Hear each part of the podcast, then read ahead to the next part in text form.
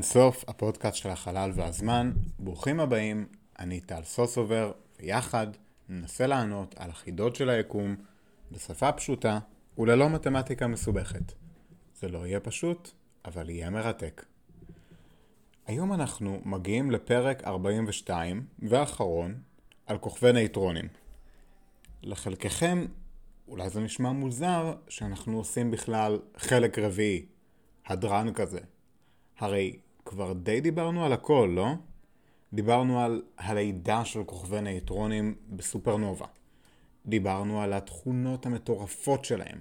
דיברנו על הסיבוב ההיסטורי, ההיסטרי שלהם, המגדלור הקוסמי, כמו שקראנו להם. דיברנו על השדה המגנטי הבלתי נתפס שלהם, חזק יותר מכל דבר שאנחנו מכירים. דיברנו על ההרכב המוזר כל כך שלהם, ועל כל הפסטה שמלווה אותם בטיול לליבה של כוכבי הנייטרונים, ולבסוף דיברנו גם על איך להשמיד אותם, ואיך התנגשויות בין כוכבי נייטרונים מייצרים את כל היסודות הכבדים ביקום. אז מה עוד נשאר? או, האמת היא שבפרק הקודם דילגתי בחצי אלגנטיות על המוקש של כניסה לעומק של הליבה של כוכבי נייטרונים. אנחנו הולכים לדבר היום על הליבה עצמה. מה יש שם, בפנים, בתוך כל הכוכבי נייטרונים? מה זה יכול ללמד אותנו על היקום? ומה יקרה אם ניגע בה בטעות? אוקיי, בסדר. אם ניגע בה בטעות, אנחנו נמות. אפשר לנחש את זה. אבל האמת היא שמה שנקבל אם ניגע בה יהיה אפילו מדבק יותר מווירוס הקורונה. כנראה הדבר הכי קרוב למתקפת זומבים בסקאלה של הגלקסיה כולה. כן כן, אנחנו היום הולכים לעשות פרק על כוכבי נייטרונים וזומבים. הנה שני דברים שלא חשבתם שתשמעו ביחד, אבל זה באמת הולך להיות מעניין מאוד. בואו נתחיל מההתחלה. מה יש שם בליבה של כוכבי נייטרונים? אז אמרנו בפרקים הקודמים שכוכבי נייטרונים הם בעצם שרידים של כוכבים גדולים מאוד, אבל לא הגדולים ביותר שקרסו. ובעצם מה שאנחנו מקבלים זה כוכב קטן, דחוס מאוד מאוד מאוד, שעשוי בעיקר מנייטרונים, אבל גם מכל מיני עקבות של חומר רגיל, בעיקר ברזל בחלק החיצוני שלו, וכל מיני פרוטונים שמפוזרים לאורך החלק הפנימי שלו. זה ככה באופן כללי מהם כוכבי הנייטרונים, ועל זה דיברנו בפרקים הקודמים. עכשיו, מה שקורה הוא שככל שאנחנו מתקרבים לליבה, אנחנו רואים יותר ויותר נייטרונים, ופחות ופחות חומר רגיל. הדחיסות בפנים היא דחיסות עצומה. והאמת היא שאנחנו לא יודעים מה קורה שם בפנים בליבה, כי אנחנו לא יודעים מה קורה עם רמות הדחיסות הלא הגיוניות האלה. אנחנו פשוט לא יודעים. ההשערה הראשונה, לא קורה שם כלום. יש שם הרבה נייטרונים, מאוד מאוד מסכנים, שיש מעל כל אחד מהם מסה של כמה פעמים השמש שלנו, שדוחסת אותו פנימה, הם כולם מרוכזים יחד בנקודה קטנה בצורה לא נתפסת, והם דחוסים שם, ובאסה להם וחם להם, אבל זהו, זה מה שיש שם, לפי ההשערה הזאתי. אופציה שנייה, הם מתפרקים ליסודות המרכיבים אותם. כל נייטרון מורכב משלושה קווארקים. אז בואו נתחיל מזה. בואו נתחיל מההשערה הזאתי, שמה שיש בליבה של כוכבי נייטרונים זה משהו שנקרא קווארק גלואון פלזמה. אז תראו, כשצללנו לליבו של כוכב הנייטרונים בפרק הקודם, נעצרנו קצת לפני שהגענו לליבה. אתם מבינים? כל המשחק פה זה על Degeneracy Pressure. כמה לחץ מסוגלים הנייטרונים האלה לקחת על עצמם לפני שהם יקרסו. ההשערה הראשונה היא שהם מצליחים להתמודד עם זה. לא כיף להם, אבל הם מצליחים להתמודד עם זה. בואו נדבר על ההשערה השנייה. לפי ההשערה השנייה, הנייטרונים כבר לא מצליחים להחזיק מעמד, והם קורסים. רגע לפני זה, או קצת מעל זה, בכוכב הנייטרונים, יש נייטרונים המסודרים ביניהם בצורה מושלמת. הם מסודרים וארוזים קרוב מאוד אחד לשני, ואי אפשר להכניס שם כלום.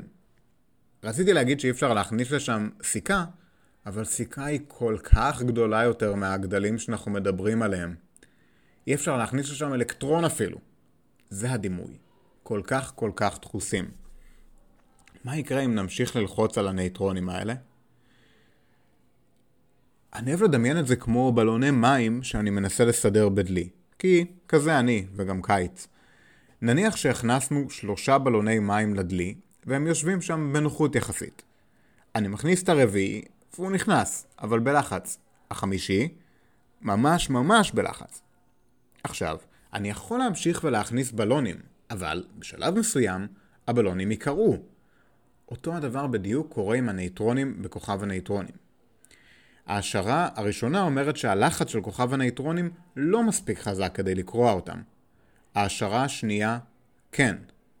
תראו, נייטרונים בסוף הם כמו בלון מים שמכיל בתוכו בצורה מאוד מאוד פשטנית שלושה קווארקים שקשורים ביניהם בכוח הגרעיני החזק, עם הגלואונים, שזה חלקיקי הכוח. הבלון השלם נקרא נייטרון, אבל הוא מורכב מחלקיקים קטנים יותר. אי אפשר ליצור תנאים הדומים לליבה של כוכב נייטרונים במעבדה. אבל אם הבלונים האלה באמת נקרעים, אם הנייטרונים האלה באמת מתפרקים לרכיבים שלהם, לקווארקים ולגלואונים, אנחנו מקבלים פלזמת קווארק גלואונים. זוכרים שהייתם בבית ספר ואמרתם שיש שלושה מצבי צבירה, מוצק, נוזל וגז, ואז אחד הילדים בא ותיקן אתכם, לא, יש גם פלזמה. בדרך כלל זה אני הילד הזה. בכל מקרה, הילד הזה לא טעה. פלזמה היא עוד מצב צבירה שאנחנו פשוט לא כל כך רגילים להיתקל בו ביום יום שלנו. פלזמה רגילה היא מצב בו אטומים נייטרליים, מבחינת מטען חשמלי, מופרדים לאלקטרונים חופשיים וליונים, כלומר לחלקיקים בעלי מטען. באופן דומה, בפלזמת קווארק גלואונים, הפרוטונים והנייטרונים מופרדים לחלקיקים שמרכיבים אותם, קווארקים וגלואונים. פלזמה רגילה נמצאת בשמש לדוגמה, וגם במסכים שלכם. אבל שימו לב, לא מדובר על פלזמת קווארקים גלואונים, מדובר על פלזמה רגילה במרכאות. הפלזמה עם האטומים הנייטרליים המופרדים לאלקטרונים וליונים. בפלזמת קווארקים גלואונים אנחנו נכנסים לתהליך עמוק יותר. הפלזמה שאנחנו מדברים עליה היא רמה יותר גבוהה של פלזמה מוזרה. אנחנו חושבים שהמצב הזה של פלזמת קווארקים וגלואונים היא, היה, היא הייתה הדבר העיקרי שהיה קיים ביקום ב-10-12 שניות שלאחר המפץ הגדול. זה נקרא עידן הקווארק. מדענים הצליחו ליצור קווארקים וקווארק גלואון פלזמה כזה במאיץ חלקיקים, לזמן קצר מאוד מאוד, שכן צריך להגיע לטמפרטורה גבוהה, בערך 10 מיליון מיליוני מעלות קלווין. זה 1 עם 13 אפסים אחריו מעלות. בכוכב נייטרונים המצב שונה. אנחנו מגיעים למצב הקיצון הזה לא כתוצאה מטמפרטורה גבוהה מיוחד, אלא כתוצאה מלחץ גבוה במיוחד, שיוצר מצב של סופר פלואיד, או נוזל על, ולא בדיוק של פלזמה. סופר נוזל הוא נוזל דחוס יותר אפילו מהפסטה הגרעינית שיושבת מעליו. עליה דיברנו בפרק הקודם. עכשיו, כל נייטרון מורכב מקווארק אחד למעלה ושני קווארקים למטה. השמות האלו די חסרי משמעות. תראו, יש שישה סוגי קווארקים בסך הכל. למעלה, למטה, מוזר, קסום, עליון ותחתון. זה גם הסדר שלהם, לפי אה, מסה. למעלה הכי קל, עליון הכי כבד. כל הקווארקים הכבדים יותר, מקווארק למטה, הם לא יציבים, ולכן אנחנו לא רואים אותם בכלל בטבע. אנחנו רואים קווארק למטה וקווארק למעלה מאוגדים בנייטרונים ובפרוטונים. עכשיו, אנחנו מדברים פה על מצב שבו הקווארקים משתחררים וגם הגלואונים, שזה מה שמחזיק את הקווארקים האלו ביחד, משתחררים. הבלון בניסוי של הדלי שלנו נקרע, וכל המים משתחררים ונשפכים. בכל מקרה, אנחנו לא יכולים לראות פלזמת קווארקים וגלואונים ביום יום שלנו. החומר הזה פשוט לא יציב מספיק בשביל להתקיים מחוץ לתנאים הקיצוניים, או לטמפרטורות מטורפות, או ללחץ אדיר. פשוט לא, לא עמיד. לכן, אנחנו לא יכולים לראות קואר גלואון פלזמה באופן חופשי, כי היא תקרוס בחזרה לפרוטונים ולנייטרונים שמרכיבים אותה. אבל למה שנניח שזה יחזיק מעמד גם בתוך ליבת כוכב הנייטרונים? אנחנו לא בטוחים כמה המצב הזה יציב. האם הפלזמה הזאת יכולה להתקיים לאורך המון שנים בלחץ גבוה? או שאולי בשלב מסוים היא קורסת לחומר יציב יותר? וזה סימן שאלה שהוא עדיין פתוח. אין לנו תשובה מוחלטת כאן. ההשערה האחרונה לגבי הליבה של כוכבי נייטרונים היא שהליבה היא מוזרה. אנחנו יוצאים מנקודת המוצא של המצב עליו דיברנו מקודם, פלזמת קווארקים גלואונים. יש לנו המון קווארקים והמון גלואונים שנמצאים במרחק קרוב מאוד מאוד אחד לשני, כלומר דחוס וחם מאוד מאוד. מה קורה אם הלחץ אפילו חזק יותר? או במידה והמצב הזה לא יציב. במצב הזה אנחנו עלולים לראות המשך קריסה של כוכב הנייטרונים. המשך קריסה של פלזמת הקואר גלואון לחומר מוזר. יכול להיות שחצי מהקווארקים למטה, הכבדים יותר, יתחילו לקרוס לקווארקים אפילו כבדים יותר. קווארקים מוזרים. התוצאה נקראת חומר מוזר, וזה סוג מיוחד של חומר קווארקים. החומר הזה מורכב משלושה סוגי קווארקים, ולא רק משניים, כמו שאנחנו מכירים מפרוטונים ונייטרונים. המצב הזה של שלשות למעלה למטה ומוזר יכול להתקיים, תאורטית, במצב אנרגיה נמוך יחסית, כלומר יציב יחסית. יציב מאוד למען האמת. אם החומר הזה אפשרי, הוא יציב יותר מכל חומר אחר שאנחנו מכירים. יציב יותר מברזל, שהוא כנראה גרעין האטום היציב ביותר מבין כל גרעיני האטומים.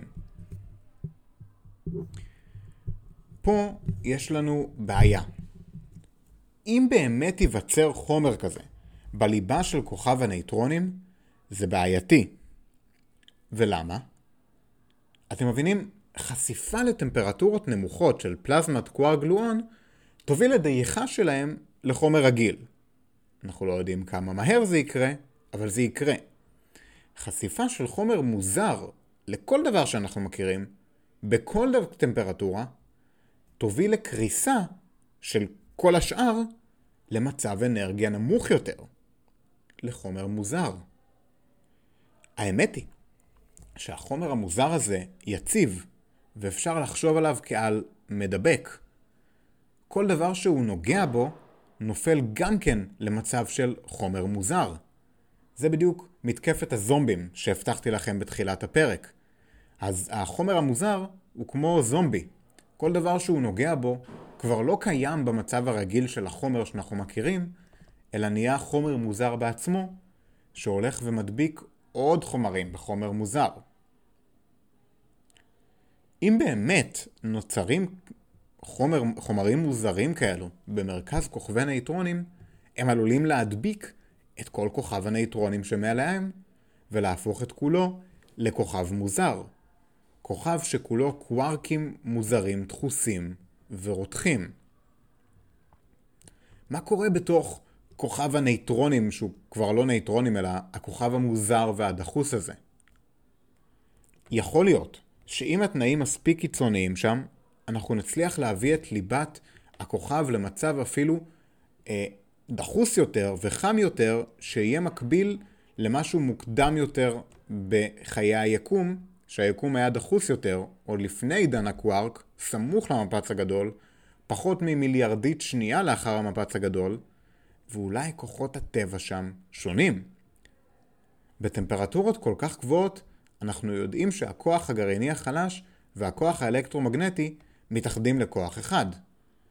השערה כזו יכולה להוביל למצב בו לכוכב מוזר יש ליבה אלקטרו חלשה.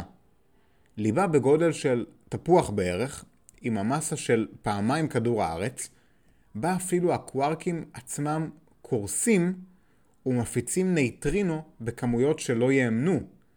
הלחץ הזה של הנייטרינו הדוחף כלפי חוץ מונע את המשך הקריסה של כוכב הנייטרונים המוזר לחור השחור. שוב, זה רק תאורטי. אין לנו ראיות ודאיות שכוכבים מוזרים קיימים במציאות, או שכוכבי נייטרונים שאנחנו רואים והם נראים לנו תמימים כלפי חוץ, הם בפועל כוכבים מוזרים. אבל, זה יכול להיות. האם אפשר לבדוק משהו מכל הטירוף הזה? האם ראינו איפשהו משהו שמזכיר את הכוכבים המוזרים? בערך. בואו נסתכל על 3C58. בשנת 1181, אסטרונומים סינים ויפנים תיעדו כוכב חדש, שנעלם אחרי שישה חודשים. אחרי 800 וקצת שנים, הסתכלנו לשם שוב, וראינו פולסר, כוכב נייטרונים, במרחק של כעשרת אלפים שנות אור. עד כאן, שום דבר לא מפתיע אותנו. היה כוכב, הוא עבר איזושהי קריסה, ונוצר כוכב נייטרונים. 800 שנים זה שנייה במונחי היקום. אבל כאן, במאה ה-20, התחיל להיות משהו מוזר. הדאטה שנאסף סביב קרינת הרנטגן הראה טמפרטורה של בערך מיליון קלווין.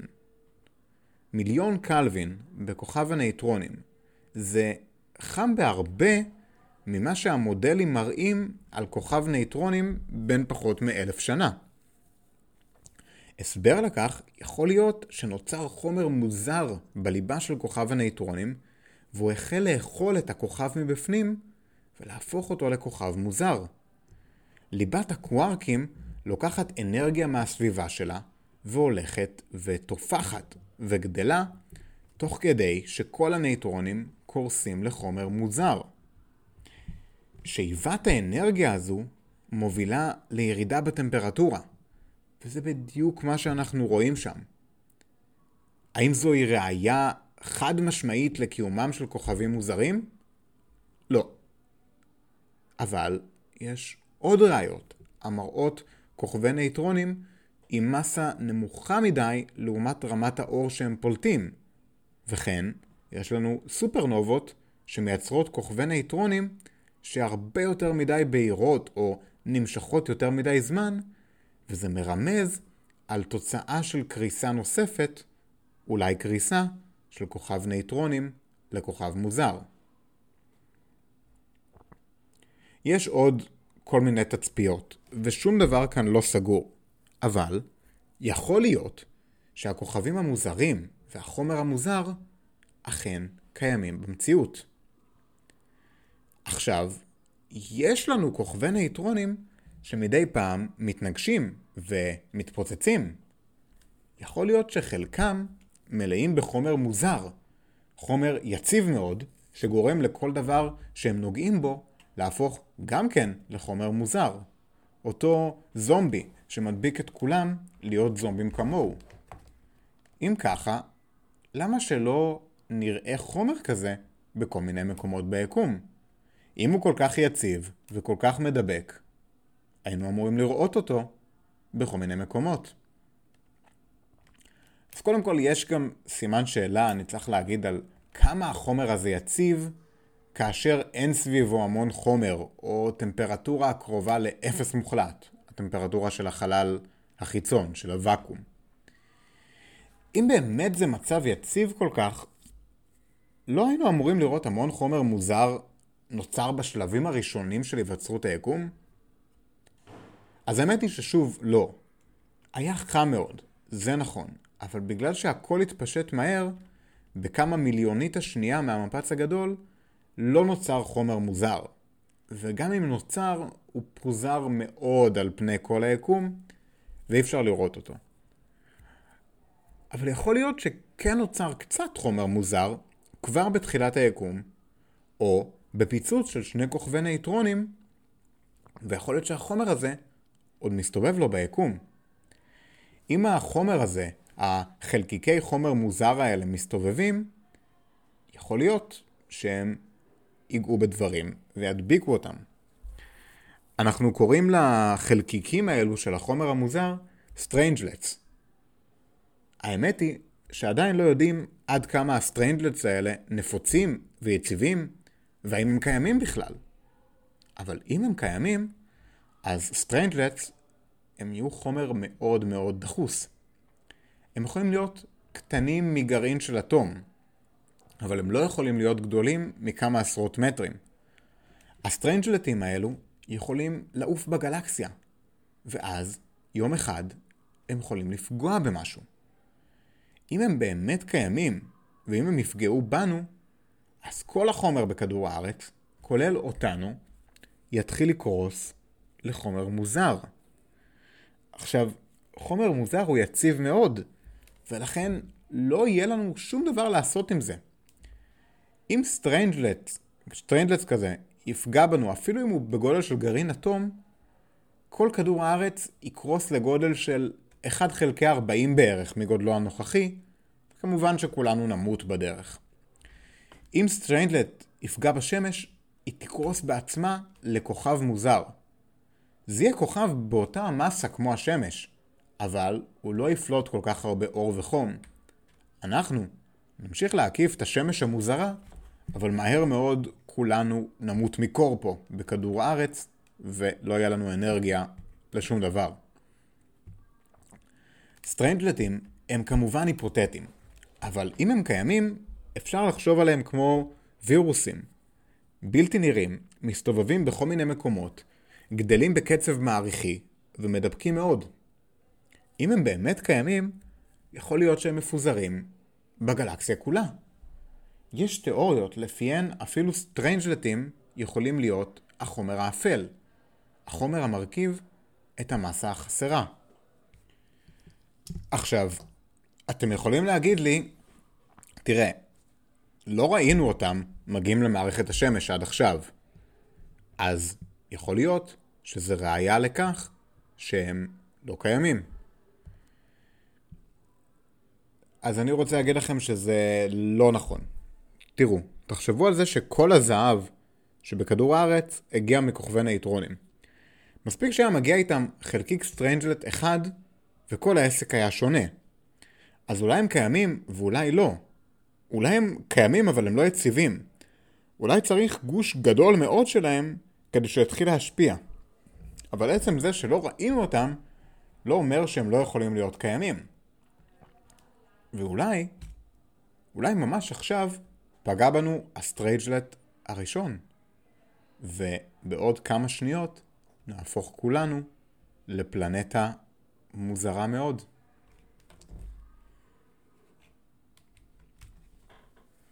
אוקיי חברים, בואו נסכם את הפרק. היום, בחלק האחרון שלנו על כוכבי נייטרונים, דיברנו על הליבה שלהם. על הליבה של כוכבי הנייטרונים ועל הפוטנציאל של הליבה הזו להפוך לחומר מוזר.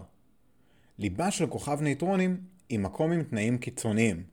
טמפרטורות היסטריות, לחץ מחריד ותנאים קיצוניים מאוד, שהמקבילה היחידה שלהם שאפשר לחשוב עליה הם התנאים ששררו רגע לאחר המפץ הגדול.